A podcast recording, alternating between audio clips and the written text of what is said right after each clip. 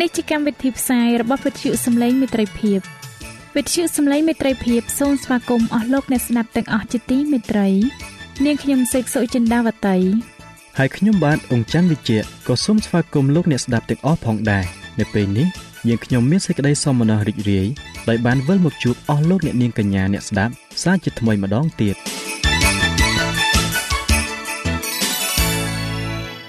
នាងខ្ញុំសេកសុចិន្តាវតី សូមជម្រាបជូនកម្មវិធីផ្សាយដែលមានជាបន្តបន្ទាប់ដូចតទៅនេតិបទទំនាយនិងប្រវត្តិសាស្ត្រនេតិស្ពានជីវិត ចា៎លោកអ្នកស្ដាប់ជាទីមេត្រី នាងខ្ញុំសូមគោរពអញ្ជើញអស់លោកលោកស្រី អ្នកនាងកញ្ញាតាមដានស្ដាប់កម្មវិធីផ្សាយរបស់វិទ្យុយើងខ្ញុំដូចតទៅ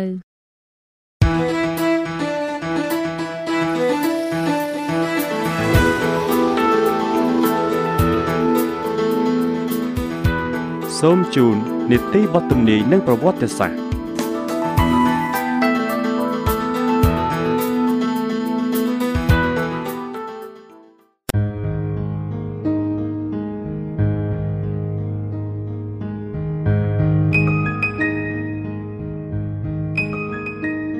្ញុំបាទសូមជម្រាបសួរដល់អស់លោកលោកស្រីនិងប្រិយមិត្តអ្នកស្ដាប់វិទ្យុសំឡេងមិត្តភាពជាទីមេត្រីសូមឲ្យអស់លោកអ្នកបានប្រកបដោយព្រះគុណនិងសេចក្តីសុខសាន្ត អំពីព្រះដ៏ជាព្រះបិតានិងអំពីព្រះអម្ចាស់យេស៊ូវគ្រីស្ទតាមរយៈមេរៀននៅថ្ងៃនេះអស់លោកអ្នកស្ដេចជាទីមេត្រីនៅភាគទី2នៃចម្ពោះទី22នៅថ្ងៃនេះលោកអ្នកក៏នៅតែបានស្ដាប់ជាបន្តទៀតអំពីរឿងប្រៀបធៀបអំពីស្ត្រីក្រមុំព្រំចារី10នាក់ដដែលតែនៅពេលនេះកូនកំឡោះបានមកដល់នៅពាក្យកណ្ដាលអាត្រៀតបាទនៅពេលដែលកូនកំឡោះបានមកដល់នៅពាក្យកណ្ដាលអាត្រៀតតើស្ត្រីក្រមុំព្រំចារីទាំង10នាក់នោះពួកគេនឹងត្រៀមខ្លួនធ្វើអ្វីខ្លះ ហើយតើពួកគេនឹងបានសប្បាយរីករាយឬក៏នឹងមានការខកចិត្តម្ដងទៀតបានមេរៀនលម្អិតខ្ញុំបាទសូមក្រុមជើញអស់លោកអ្នកនាងតាមដានស្ដាប់នៅចម្ពោះទី22ភាគទី2ជាភាគបញ្ចប់ដូចតទៅអស់លោកអ្នកស្ដាប់ជាទីមេត្រី ការវែកញែកបានធ្វើឲ្យគេជឿយ៉ាងខ្លាំងហើយសម្រែកពាក្យក្តារអាត្រៀតបានបន្លឺឡើងដោយអ្នកជឿរាប់ពាន់នាក់ចលនានេះបានផ្សាយចេញពីទីក្រុងមួយទៅទីក្រុងមួយ ពីភូមិមួយទៅភូមិមួយដោយរលកសមុទ្រដ៏ធំដូច្នោះជំនឿងប់ងល់ក៏បានរលាយអស់ទៅដោយទឹកកករលាយនៅពេលថ្ងៃកិច្ចការនោះគឺស្តៀងគ្នាទៅនឹងពួកកូនចៅអ៊ីស្រាអែលកាលពីចំនួនបុរាណងាកមករកព្រះយេហូវ៉ាវិញ បន្ទាប់ពីបានទទួលព្រះរាជសារនៃការបន្ទោសមកអំពីអ្នកបម្រើទាំងឡាយរបស់ទ្រង់អំណរដ៏ស្រាប់ស្រាលនោះ មានតែបន្តិចបន្តួចទេ តែមានការត្រេះរិះយ៉ាងជ្រាលជ្រៅនៅក្នុងចិត្តមានការសារភាពអំពើបាប ហើយនឹងការលះបង់លោកីទៀតផងឃើញថាមានការអត់ទៅទៅរកព្រះយ៉ាងខ្លាំងនៅក្នុងគ្រប់ទៀងចលនាសាសនាដ៏ធំធំទៀងប៉ុន្មាន តាំងពីចំនួនពុសាវកមកមិនដែលឃើញមានចលនាណា ដែលវាចាក់ផុតពីសេចក្តីមិនគ្រប់លក្ខរបស់មនុស្សនិងអបាយកលពិនវសោរបស់សាតាំងដូចជាចលនានៃរដូវស្លឹកឈើជ្រុះនៅក្នុងឆ្នាំ1844នោះឡើយនៅពេលដែលសម្រេចថាប្តីមកហើយនោះអ្នកដែលរងចាំក៏ភ្ញាក់ឡើង រៀបចំចង្គៀងរៀងខ្លួន គឺគេទាំងឡាយបានសិក្សាព្រះបន្ទូលរបស់ព្រះ ទាំងចូលចិត្តយ៉ាងខ្លាំងចំពោះអ្វីដែលគេពុំបានដឹងពីមុនមកអ្នកទី1ដែលគោរពតាមសម្រេចហៅនោះគឺមិនមែនជាអ្នកមានអំណោយទៀតខ្លាំងខ្លានោះទេប៉ុន្តែគឺជាអ្នកដែលបន្ទាបខ្លួនជាងគេនិងជឿសុខជាងគេវិញអ្នកធ្វើស្រែចម្ការបានចោលគ្រាប់ធញ្ញជាតិរបស់ខ្លួននៅឯវាលជាងជួសជុលឡានបានដាក់ប្រដាប់ប្រដាខ្លួនចុះហើយចេញទៅប្រមានប្រាប់ដល់អ្នករតីដោយរីករាយ ព្រះវិហារទូទៅបានបិទទ្វាររបស់គេជំទាស់នឹងដំណឹងនេះហើយក្រុមជំនុំមួយចំនួនធំដែលជឿងប់ងល់ដល់ដំណឹងនោះក៏បានដកខ្លួនចេញពីព្រះវិហារអ្នកមិនជឿទាំងឡាយដែលមកចូលរួមនៅក្នុងកិច្ចប្រជុំជាមួយពួកបរិសុទ្ធមានអារម្មណ៍អំពីដំណឹងដែលប្រកាសថាណែប្តីមកហើយដំណឹងនេះមានអំណាចគួរឲ្យជឿមែនជំនឿបានធ្វើឲ្យមានការឆ្លើយតបដល់សេចក្តីអធិដ្ឋានព្រះវិញ្ញាណនៃព្រះគុណបានបង្អុរចុះមក លើអ្នកដែលខំស្វែងរកអស់ពីចិត្តដូចជាភ្លៀងធ្លាក់នៅលើដីហួតហែងដែរអស់អ្នកដែលសង្ឃឹមថានឹងបានឈរនៅចំពោះព្រះភ័ក្ត្ររបស់ព្រះអង្គប្រោះលោះនៅក្នុងពេលបន្តិចទៀតនោះមានអំណរពេលក្រៃព្រោះព្រះញាណបរិសុទ្ធបានរំលាយចិត្តរបស់គេ អ្នកដែលបានលើដំណឹងល្អនោះបានមកដល់ពេលដែលគេសង្ឃឹមថានឹងជួបព្រះអង្គម្ចាស់របស់ខ្លួនហើយពួកគេបានសន្និដ្ឋានជាញឹកញយជាមួយគ្នា គេតែងតែជួបប្រជុំគ្នានៅទីស្ងាត់ដាច់ពីគេ ដើម្បីប្រកបជាមួយនឹងព្រះ ហើយសម្លេងនៃការស្វែងរកចេញពីទីវាលនិងព្រៃឈើអណ្ដែតប្រសែតឡើងទៅស្ថានសួគ៌ការមានទំនុកចិត្តនៅក្នុងខ្លួនថាព្រះសពហរតីចំពោះខ្លួនហើយនោះគឺប្រសើរជាងម្ហូបអាហារប្រចាំថ្ងៃទៅទៀតហើយប្រសិនបើពពកមកក្របដណ្ដប់ចិត្តគេឲ្យខ្មៅងងឹតវិញក៏គេពុំនៅស្ងៀមដែរទល់តែបានពិសោធន៍ព្រះគុណដែលអត់ទោសឲ្យសិន អស់លោកអ្នកស្ដាប់ជាទីមេត្រីសូមអស់លោកអ្នកស្ដាប់អំពីការខកចិត្តម្ដងទៀតបាទប៉ុន្តែម្ដងទៀតហើយពេលវេលាដែលគេសង្ឃឹមថាព្រះអង្គសង្គ្រោះនឹងយាងមកនោះក៏បានកន្លងផុតទៅ ហើយព្រះអង្គពុំបានយាងមកឥឡូវនេះគេមានអារម្មណ៍ដូចជានាងម៉ារ៉ាដែរនៅពេលដែលនាងចេញទៅឯភ្នូររបស់ព្រះអង្គសង្គ្រោះហើយឃើញភ្នូរនៅទទេ នាងក៏យំហើយឧទានឡើងថាគេបានយកព្រះអម្ចាស់របស់ខ្ញុំទៅបាត់ហើយខ្ញុំមិនដឹងថាជាគេទុកទ្រង់នៅឯណាទេ ព្រះគម្ពីរយ៉ូហានចំពុកទី20ខ13ការខ្លាចក្រែងដំណឹងនោះបានមកជាពិត បានធ្វើជារនាងមួយសម្រាប់ពិភពនេះនេះមិនជឿប៉ុន្តែនៅពេលដែលពុំឃើញសញ្ញានៃសេចក្តីក្រោធរបស់ព្រះ គេក៏លែងខ្លាចហើយបន្តការផ្សាយផ្សាលនិងបន្តការចំអកលោកលើយតទៅទៀតក្រុមមួយដ៏ធំដែលអះអាងថាជឿបានលះបង់ជំនឿរបស់ខ្លួនវិញពួកអ្នកដែលចំអកទាំងនេះបានទាក់ទាញមនុស្សខ្សោយនិងមនុស្សកំសាកមកឲ្យខ្លួន ហើយរួបរวมគ្នាប្រកាសថាពិភពលោក ប្រហែលជានៅតែដដែលអស់រាប់ពាន់ឆ្នាំទៅទៀតពួកនេះជឿអស់ពីចិត្តហើយមានចិត្តស្មោះត្រង់បានលះបង់គ្រប់ទាំងអ្វីៗទាំងអស់ដើម្បីព្រះគ្រីស្ទហើយដោយដែលគេបានជឿនោះគេបានផ្ដល់នៅការប្រមានចុងក្រោយរបស់គេដល់លោកីហើយគេបានអធិដ្ឋានដោយមានចិត្តប៉ងប្រាថ្នាជាខ្លាំងថាអស់ព្រះអម្ចាស់អើយសូមយាងមកប៉ុន្តែឥឡូវនេះការដែលត្រូវទទួលបន្ទុកស្មុគស្មាញនៃជីវិតម្ដងទៀត ហើយត្រូវទ្រាំទ្រនឹងពិភពចំអកលក់លើនោះគឺជាការលំបាកដ៏អាក្រក់អាក្រៃណាស់នៅពេលដែលព្រះគ្រីស្ទគង់នៅលើសត្វលាយាងចូលទៅក្នុងទីក្រុងយេរូសាឡឹមដោយជោគជ័យនោះអស់អ្នកដែលដើរតាមទ្រង់ក៏ជឿថាទ្រង់នឹងឡើងសោយរាជលើបល្ល័ង្ករបស់ស្ដេចដាវីតហើយរំដោះអ៊ីស្រាអែលឲ្យរួចពីពួកអ្នកជិះជាន់លើខ្លួនមនុស្សជាច្រើនបានដោះអាវធំលាតត្រដាងក្រាលធ្វើជាព្រំឬរាយធៀងចាតាមផ្លូវដែលទ្រង់យាងដោយក្តីសង្ឃឹមយ៉ាងខ្លាំង ពួកសាវកកំពុងតែសម្រេចគោលបំណងរបស់ព្រះប៉ុន្តែគេកំពុងតែឆ្ពោះទៅកាន់សេចក្តីខកចិត្តដ៏ល្វីងជូរចត់ទេពីរថ្ងៃក្រោយមកគេឃើញជីវង្គតដ៏ឈឺជោគចាស់របស់ព្រះអង្គសង្គ្រោះហើយបានប្តេជ្ញាទ្រង់ទៅក្នុងភ្នូទៀតផងសេចក្តីសង្ឃឹមរបស់គេក៏បានស្លាប់ជាមួយនឹងព្រះយេស៊ូវដែរលុះដល់ព្រះអម្ចាស់របស់គេបានរស់ពីភ្នូឡើងវិញទើបពួកគេយល់ឃើញថាអ្វីៗទាំងអស់សុទ្ធតែបានទាយទុកនៅក្នុងបទធនីរួចមកហើយអស់លោកអ្នកស្ដាប់ជាទីមេត្រី នៅក្នុងរបៀបដូចគ្នានេះដែរលោក William Miller និងគូកនរបស់គាត់បានសម្រេចបទទំនាយហើយផ្សាយដំណឹងដែលព្រះគម្ពីរបានចែងឲ្យប្រាប់ដល់ពិភពលោកប្រសិនបើគេ បានយល់ពេញលេញនៅបទទំនាយដែលចង្អុលប្រាប់អំពីការខកចិត្តរបស់គេនោះគេនឹងមិនអាចផ្សាយដំណឹងល្អនោះបានទេហើយក៏មិនអាចថ្លែងប្រាប់អំពីដំណឹងផ្សេងផ្សេងទៀតដែរដែលនឹងត្រូវផ្សព្វផ្សាយដល់គ្រប់អស់ទាំងសាសមុនពេលដែលព្រះយេស៊ូវយាងមកបានដែរព្រះរាជសាររបស់ទេវតាទី1 និងទេវតាទី2ត្រូវបានផ្សព្វផ្សាយចំពេលវេលាហើយបានសម្រេចកិច្ចការដែលព្រះបានគ្រោងទុកឲ្យពួកទេវតាទាំងពីរនោះបានសម្រេចលោកីបានគិតថាបើព្រះគ្រីស្ទពុំបានយាងមកទេនោះមេរៀនដែលស្ដីអំពីការយាងមកជាលើកទី2នឹងត្រូវបានរលាយសាបសូន្យហើយប៉ុន្តែនៅពេលដែលមនុស្សជាច្រើនលះបង់ជំនឿរបស់គេនោះមានអ្នកខ្លះទៀតកាន់ជឿយ៉ាងខ្ជាប់ខ្ជួនផលផ្លែនៃចលនាការយាងនិវត្តន៍វិញ្ញាណនៃការត្រេះរិះការលះបង់លោកី ការកែតម្រង់ជីវិត ធ្វើទីបន្ទាល់ថាដំណឹងនោះ គឺមកពីព្រះ គេមិនហ៊ានប្រកែកថាព្រះវិញ្ញាណបរិសុទ្ធពុំបានធ្វើជាស្មោបន្ទាល់ដល់ការផ្សព្វផ្សាយអំពី ការយាងនិវត្តន៍ជាលើកទី2ឡើយគេរកកំហុសនៅក្នុងកំឡុងបាត់ទំនាយមិនឃើញសោះបកប្រឆាំងរបស់គេមិនបានជោគជ័យនៅក្នុងការរលំនៅការបកស្រាយបាត់ទំនាយទេ គេមិនសុខចិត្តលះបង់ដំណាក់កាលដែលខ្លួនស្រោតដល់ហើយនោះទេ ដោយព្រោះខ្លួនបានខិតខំសិក្សាបទកម្ពីដោយអធិដ្ឋាន និងការយកចិត្តទុកដាក់យ៉ាងអស់អំពីចិត្តដោយគំនិតបានភ្លឺស្វាងដោយព្រះវិញ្ញាណរបស់ព្រះ ហើយចិត្តឆេះឆួលដោយអំណាចដ៏រស់នៃព្រះវិញ្ញាណនោះ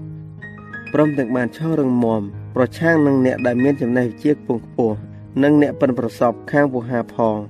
ពួកបរិសុទ្ធបានជឿថា ព្រះបានដឹកនាំគេឲ្យប្រមានអំពីការវិនិច្ឆ័យទោស គេបានថ្លែងថាដំណឹងនោះបានសាកល្បងចិត្តរបស់ពួកអ្នកដែលឮប្រយោជន៍ឲ្យពួកអ្នកដែលនឹងពិនិត្យចិត្តរបស់ខ្លួនបានដឹងថាតើព្រះនឹងឃើញនរណានៅខាងណាបើទ្រង់យាងមកមែននោះតើគេនឹងឧទានឡើងថានេះគឺជាព្រះនៃយើងរាល់គ្នា យើងបានរងចាំទ្រង់ហើយទ្រង់នឹងជួយសង្គ្រោះយើង ឬគេស្រែកហៅថ្មនិងភ្នំឲ្យធ្លាក់មកលើគេ ដើម្បីលាក់កំបាំងខ្លួនពីព្រះភ័ក្ត្ររបស់ព្រះដែលប្រថាប់នៅលើបល្ល័ង្ក អារម្មណ៍របស់ពួកអ្នកដែលជឿនៅតែជឿថាព្រះនឹងដឹកនាំពួកគេនោះគឺត្រូវបានបញ្ជាក់ឲ្យឃើញ នៅក្នុងពាក្យពេចន៍របស់លោក William Miller ថាសេចក្តីសង្ឃឹមរបស់ខ្ញុំនៅក្នុងការយាងត្រឡប់មកនៃព្រះគ្រីស្ទគឺនៅតែរឹងមាំដដែលក្រោយពីបានពិចារណាយ៉ាងម៉ត់ចត់អស់រាប់ឆ្នាំហើយនោះខ្ញុំគ្រាន់តែធ្វើអ្វីដែលជាភារកិច្ចដែលខ្ញុំត្រូវធ្វើតែប៉ុណ្ណោះមនុស្សរាប់ពាន់នាក់មិនថាពោសម្បល់អ្វីឡើយបានសិក្សាបទគម្ពីរ ដោយព្រោះតែការផ្សព្វផ្សាយនាពេលនោះហើយមធ្យោបាយទាំងនោះ តាមរយៈសេចក្តីជំនឿនិងការប្រោសលោហិតរបស់ព្រះគ្រីស្ទបានធ្វើឲ្យគេស្រស់ស្រួលជាមួយនឹងព្រះវិញអស់លោកអ្នកស្ដាប់ជាទីមេត្រីព្រះវិញ្ញាណរបស់ព្រះ នៅតែគង់ជាមួយនឹងអស់អ្នកដែលមិនរហ័សនឹងបដិសេធនៅពន្លឺដែលគេបានទទួលហើយមិនរហ័សជំទាស់នឹងចលនាយើងនិវត្តន៍បាទរីឯព្រះគម្ពីរហេព្រើរបានចែងថាដូច្នេះចូលកុំឲ្យបោះបង់ចោលសេចក្តីក្លាហានរបស់អ្នករាល់គ្នា ដែលមានរង្វាន់ជាធំនោះឡើយត្បិតអ្នករាល់គ្នាត្រូវការនឹងសេចក្តីអត់ធ្មត់ដើម្បីឲ្យបានទទួលសេចក្តីដែលបានសន្យា ហើយធ្វើតាមព្រះハរតីព្រះ ពីព្រោះនៅតែបន្តិចទៀតនោះព្រះអង្គដែលត្រូវមកនឹងយាងមកមែនឥតបងអង្គឡើយតែពួកសុចរិតនឹងរស់នៅដោយអាងសេចក្តីជំនឿបើអ្នកណាថយទៅវិញនោះចិត្តអញគ្មានសេចក្តីអំណរចំពោះអ្នកនោះទេ តែយើងរាល់គ្នាមិនមែនជាពួកអ្នកដែលថយទៅវិញឲ្យបានត្រូវវិនិច្ឆ័យឡើយ គឺជាពួកអ្នកដែលមានសេចក្តីជំនឿសម្រាប់ឲ្យប្រលឹងបានសង្គ្រោះវិញព្រះគម្ពីរហេព្រើរចំពុកទី10ខ45រហូតដល់ខ49ការដាស់តឿននេះគឺសម្រាប់ក្រុមជំនុំនៅថ្ងៃចុងក្រោយព្រោះបានបញ្ជាក់យ៉ាងច្បាស់ថាព្រះអង្គហាក់បីដូចជានៅបង្អស់មនុស្សដែលត្រូវបានបរិយាយខាងលើនេះ បានធ្វើតាមព្រះハរតីរបស់ព្រះ ក្នុងការដើរតាមការដឹកនាំរបស់ព្រះញាណបរិសុទ្ធរបស់ទ្រង់និងព្រះបន្ទូលរបស់ទ្រង់ តែគេពុំបានយល់នៅគោលបំណងរបស់ទ្រង់នៅក្នុងបទពិសោធន៍របស់គេទេជួនកាលគេមានចិត្តសង្ស័យថាតើព្រះបានដឹកនាំគេមែនឬមិនមែនមកទល់ពេលនេះ ពាក្យទាំងនេះ គឺសំសួននិងកលៈទេសៈមនុស្សសុចរិតនឹងរស់នៅអាងដោយសេចក្តីជំនឿបើទោះជាធ្លាក់ទឹកចិត្តដោយសេចក្តីសង្ឃឹមដែលធ្វើឲ្យខកចិត្តក៏ដោយក៏គេនៅតែអាចឈរបានដោយសារតែជំនឿទៅលើព្រះនិងព្រះបន្ទូលរបស់ទ្រង់ប៉ុណ្ណោះ ការដែលលះបង់ចោលសេចក្តីជំនឿរបស់ខ្លួន ហើយបដិសេធអំណាចនៃព្រះញាណបរិសុទ្ធដែលបានជួយរត់ការនៅក្នុងការផ្សាយដំណឹងល្អនោះគឺជាការដកខ្លួនងាកទៅឯនរកហើយផ្លូវដ៏សុខសាន្តតែមួយគត់នោះគឺការអោបក្រសោបពន្លឺដែលគេបានទទួលពីព្រះរួចហើយហើយបន្តការស្រាវជ្រាវបទកម្ពីព្រមទាំងរងចាំមើលដោយអំណត់ដើម្បីទទួលពន្លឺថ្មីថែមទៀតចា៎ដោយពេលវេលាមានកំណត់ យើងខ្ញុំសូមអនុទីបទទំនាយនិងប្រវត្តិសាស្ត្រត្រឹមតែប៉ុណ្ណឹងសិនចុះដោយសន្យាថានឹងលើកយកនីតិនេះមកជម្រាបជូនជាបន្តទៀតនៅថ្ងៃអង្គារសប្តាហ៍ក្រោយ សូមអរគុណ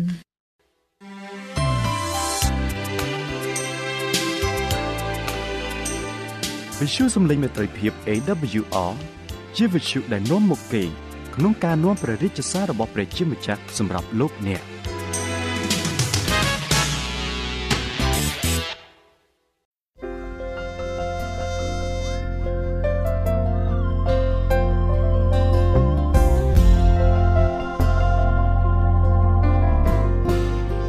បាទសូមជម្រាបសួរអស់លោកអ្នកស្ដាប់ជាទីមេត្រីសូមឲ្យអស់លោកអ្នកនាងបានប្រកបដោយព្រះគុណនិងសេចក្តីសុខសាន្តពីព្រះវរបិតានៃយើង និងពីព្រះអម្ចាស់ព្រះយេស៊ូវគ្រីស្ទខ្ញុំបាទមានអំណរណាស់ដែលបានវិលមកជួបលោកអ្នកនាងសាជាថ្មីក្នុងនេតិស្ពានជីវិតនេះជាថ្មីម្ដងទៀតបាទនៅថ្ងៃនេះខ្ញុំបាទសូមលើកយកមេរៀនទី4ដដែលដែលមានចំណងជើងថា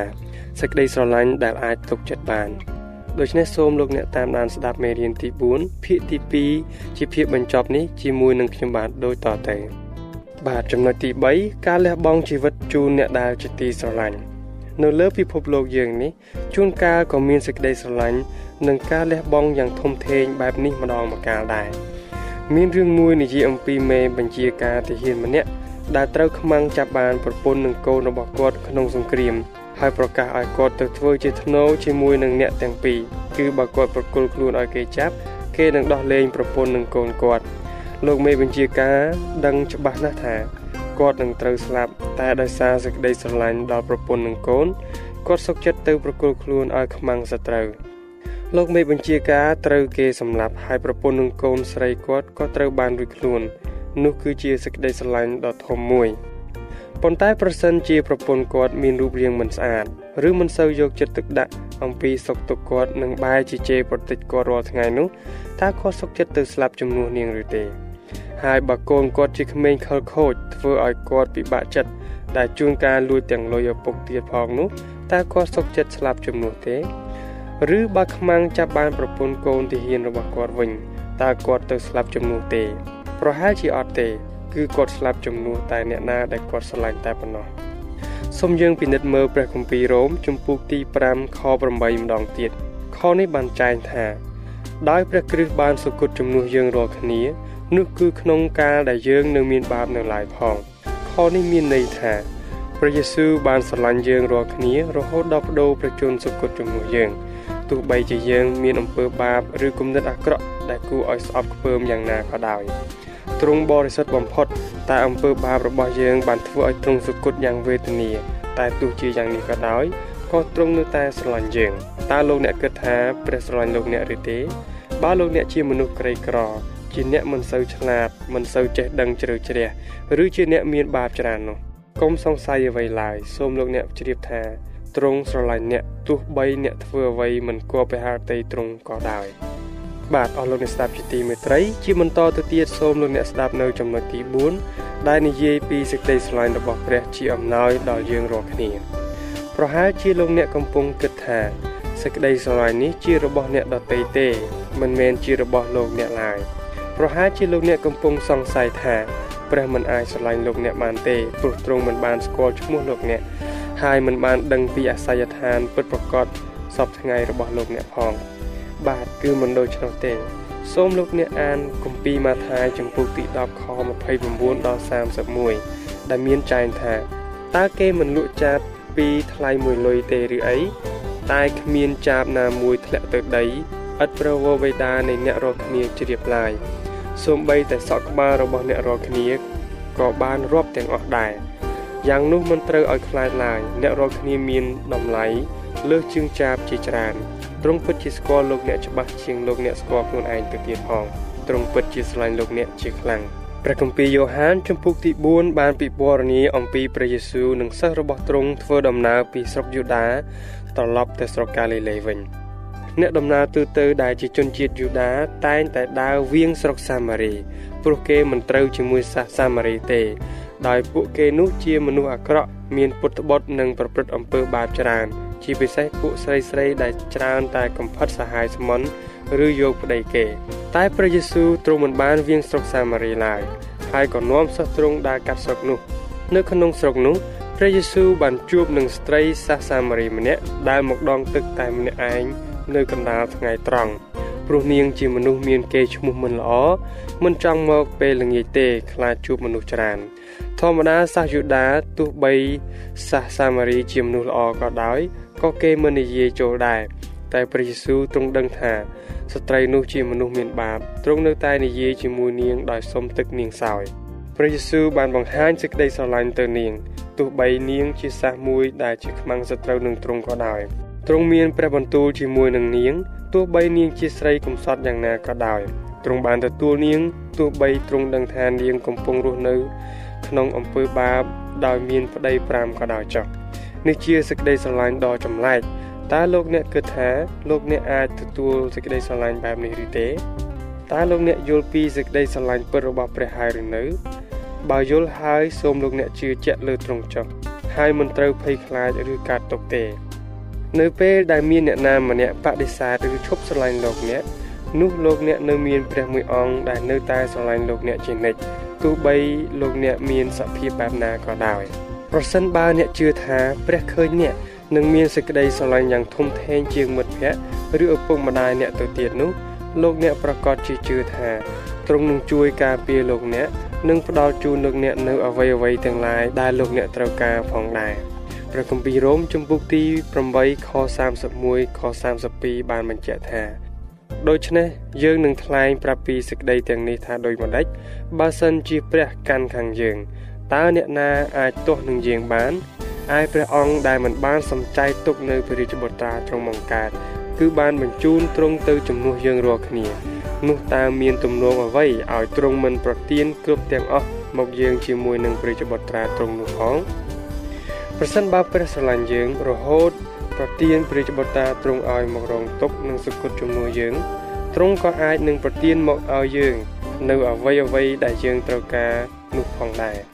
ប្រពន្ធរបស់លោកមេបញ្ជាការដឹងថាប្តីគាត់សុខចិត្តបដូរបង់ជីវិតជំនួសគាត់ដោយសារសេចក្តីស្រឡាញ់ដ៏ធំធេងតែក្រោយពីគាត់រួចខ្លួនគាត់មិនបានឃើញមុខប្តីគាត់ទេហើយប្តីគាត់ក៏មិនអាចជួយគាត់តទៅទៀតបានដែរចំណែកព្រះយេស៊ូវទ្រង់ស្រឡាញ់យើងយ៉ាងខ្លាំងទ្រង់បដូរជីវិតជំនួសយើងតែទ្រង់បានរស់ឡើងវិញទ្រង់មានប្រជញ្ញរហូតសពថ្ងៃហើយទ្រង់អាចជួយយើងបានគ្រប់ពេលវេលាតើជីវិតលោកអ្នកអាចទុកចិត្តលើទ្រង់បានឬទេ តើលោកអ្នកឈប់ខ្វល់ខ្វាយនិងបានទូលដល់ទ្រង់ឲ្យជួយដោះស្រាយបញ្ហារបស់លោកអ្នកហើយឬនៅក្នុងការចងចាំនិងទុកចិត្តទៅលើសេចក្តីស្រឡាញ់របស់ព្រះយេស៊ូវនេះវាមិនមែនជាការងាយស្រួលទេដូច្នេះលោកអ្នកត្រូវតែអានព្រះគម្ពីររៀងរាល់ថ្ងៃដើម្បីរំលឹកពីការសុគតរបស់ព្រះយេស៊ូវនិងការដែលទ្រង់បានជួយដល់អ្នកមានបាបជាច្រើនលោកអ្នកគួរទន្ទិញខព្រះគម្ពីររ៉ូមជំពូកទី5ខ8 ដោយដាក់ឈ្មោះលោកអ្នកក្នុងខនោះនៅពេលដែលលោកអ្នកមានអារម្មណ៍ថាគ្មានអ្នកណាស្រឡាញ់លោកអ្នកទេឬលោកអ្នកមានការបាក់ទឹកចិត្តអស់សង្ឃឹមនិងមានអារម្មណ៍ខឹងដល់អ្នកណាម្នាក់នោះសូមអធិដ្ឋានទៅព្រះឲ្យទ្រង់ជួយបំពេញនូវសេចក្តីស្រឡាញ់ដល់លោកអ្នកនិងសូមឲ្យអ្នកគិតពិចារណានៅចំណុចទាំង5ខាងក្រោមនេះបាទចំណុចទី1 ទោះបីជាមនុស្សបាននិយាយបង្ខុសពីខ្ញុំ ឬមិនស្រឡាញ់ខ្ញុំក៏ដោយក៏ខ្ញុំដឹងថាខ្ញុំនៅតែមានតម្លៃចំពោះព្រះដែលបង្កើតខ្ញុំដដែលចំណុចទី2ព្រះតម្រេះរបស់ព្រះចំពោះខ្ញុំពិសេសជាងគំនិតរបស់មនុស្សដទៃចំណុចទី3ការសម្រេចព្រះតីសុគតលើឈើឆ្កាងរបស់ព្រះយេស៊ូវបានបង្ហាញថាទ្រង់ស្រឡាញ់ខ្ញុំយ៉ាងក្រៃលែងចំណុចទី4ប្រសិនបើព្រះយេស៊ូវចង់មានទំនាក់ទំនង និងជួយដល់អ្នកដែលស្អប់ទ្រង់ទ្រង់ក៏ចង់តាក់ទងនិងជួយដល់ខ្ញុំផងដែរចំណុចទី5ខ្ញុំតាំងចិត្តថាមិនអោយការបដិសេធរបស់អ្នកដតីមកលើរូបខ្ញុំប៉ះពាល់ដល់ការទុកចិត្តលើព្រះឡើយបាទយុវនារីសុជាតិក៏ត្រូវការសេចក្តីស្រឡាញ់នេះដូចយើងដែរលោកអ្នកប្រហែលជាធ្លាប់បានស្គាល់អ្នកដែលមានការអស់សង្ឃឹមដូចសុជាតិដែរដូច្នេះលោកអ្នក គួរតែប្រាប់ដល់គេអំពីសេចក្តីស្រឡាញ់របស់ព្រះដែលលោកអ្នកទៅនឹងបានរៀននេះផងដើម្បីឲ្យគេមានសេចក្តីសង្ឃឹមដោយទុកចិត្តលើសេចក្តីស្រឡាញ់របស់ព្រះដោយលោកអ្នកផងដែរបាទអរលោកអ្នកស្ដាប់ជាទីមេត្រី ពេលវេលានៃនីតិស្ពានជីវិតរបស់យើង បានមកដល់ទីបញ្ចប់ហើយហើយចំពុកទី4ដែលនិយាយពីសេចក្តីស្រឡាញ់ដល់អ្នកដទៃនោះក៏សន្មតថាចប់ដោយបរិបូរណ៍ហើយដែរ ហើយខ្ញុំបាទនឹងវិលមកជួបលោកអ្នកនាងម្ដងទៀតនៅក្នុងនីតិរបស់យើង លើកក្រោយ ដោយនឹងនាំមកនៅចំពុកទី5មកជួបលោកអ្នកជាបន្តទៀត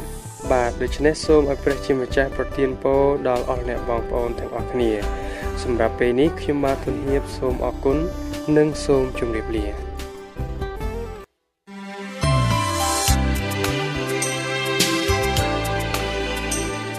វិទ្យុសំឡេងមេត្រីភាព AWR មានផ្សាយពីរដងក្នុងមួយថ្ងៃ គឺព្រឹកនៅម៉ោង6និងពេលយប់នៅម៉ោង8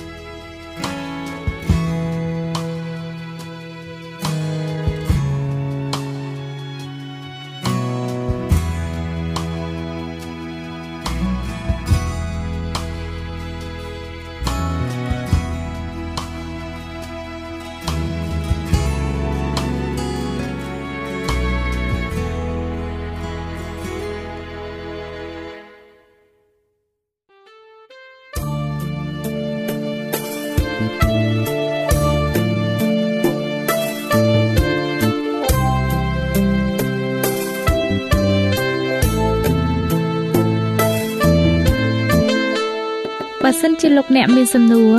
ឬសំណុំពរអ្វីសូមតាក់ទងមកការិយាល័យវិទ្យុយើងខ្ញុំ តាមអាស័យដ្ឋានផ្ទះលេខ15ផ្លូវលេខ568សង្កាត់បឹងកក់2ខណ្ឌទួលគោករាជធានីភ្នំពេញលោកអ្នកក៏អាចសរសេរសម្បត្តិផ្ញើមកយើងខ្ញុំ តាមរយៈប្រអប់សម្បត្តិលេខ488ភ្នំពេញឬតាមទូរស័ព្ទលេខ012 34 96 64ឬ097 80 81 060ឬក៏តាមរយៈអ៊ីមែល vol@awr.org យើងខ្ញុំរងចាំទទួលស្វាគមន៍អស់លោកអ្នកនាងដោយក្តីសោមនស្សរីករាយហើយលោកអ្នកក៏អាចស្ដាប់កម្មវិធីនេះឡើងវិញដោយចូលទៅកាន់ website របស់វិទ្យុយើងខ្ញុំ តាមរយៈអាស័យដ្ឋាន www.awr.org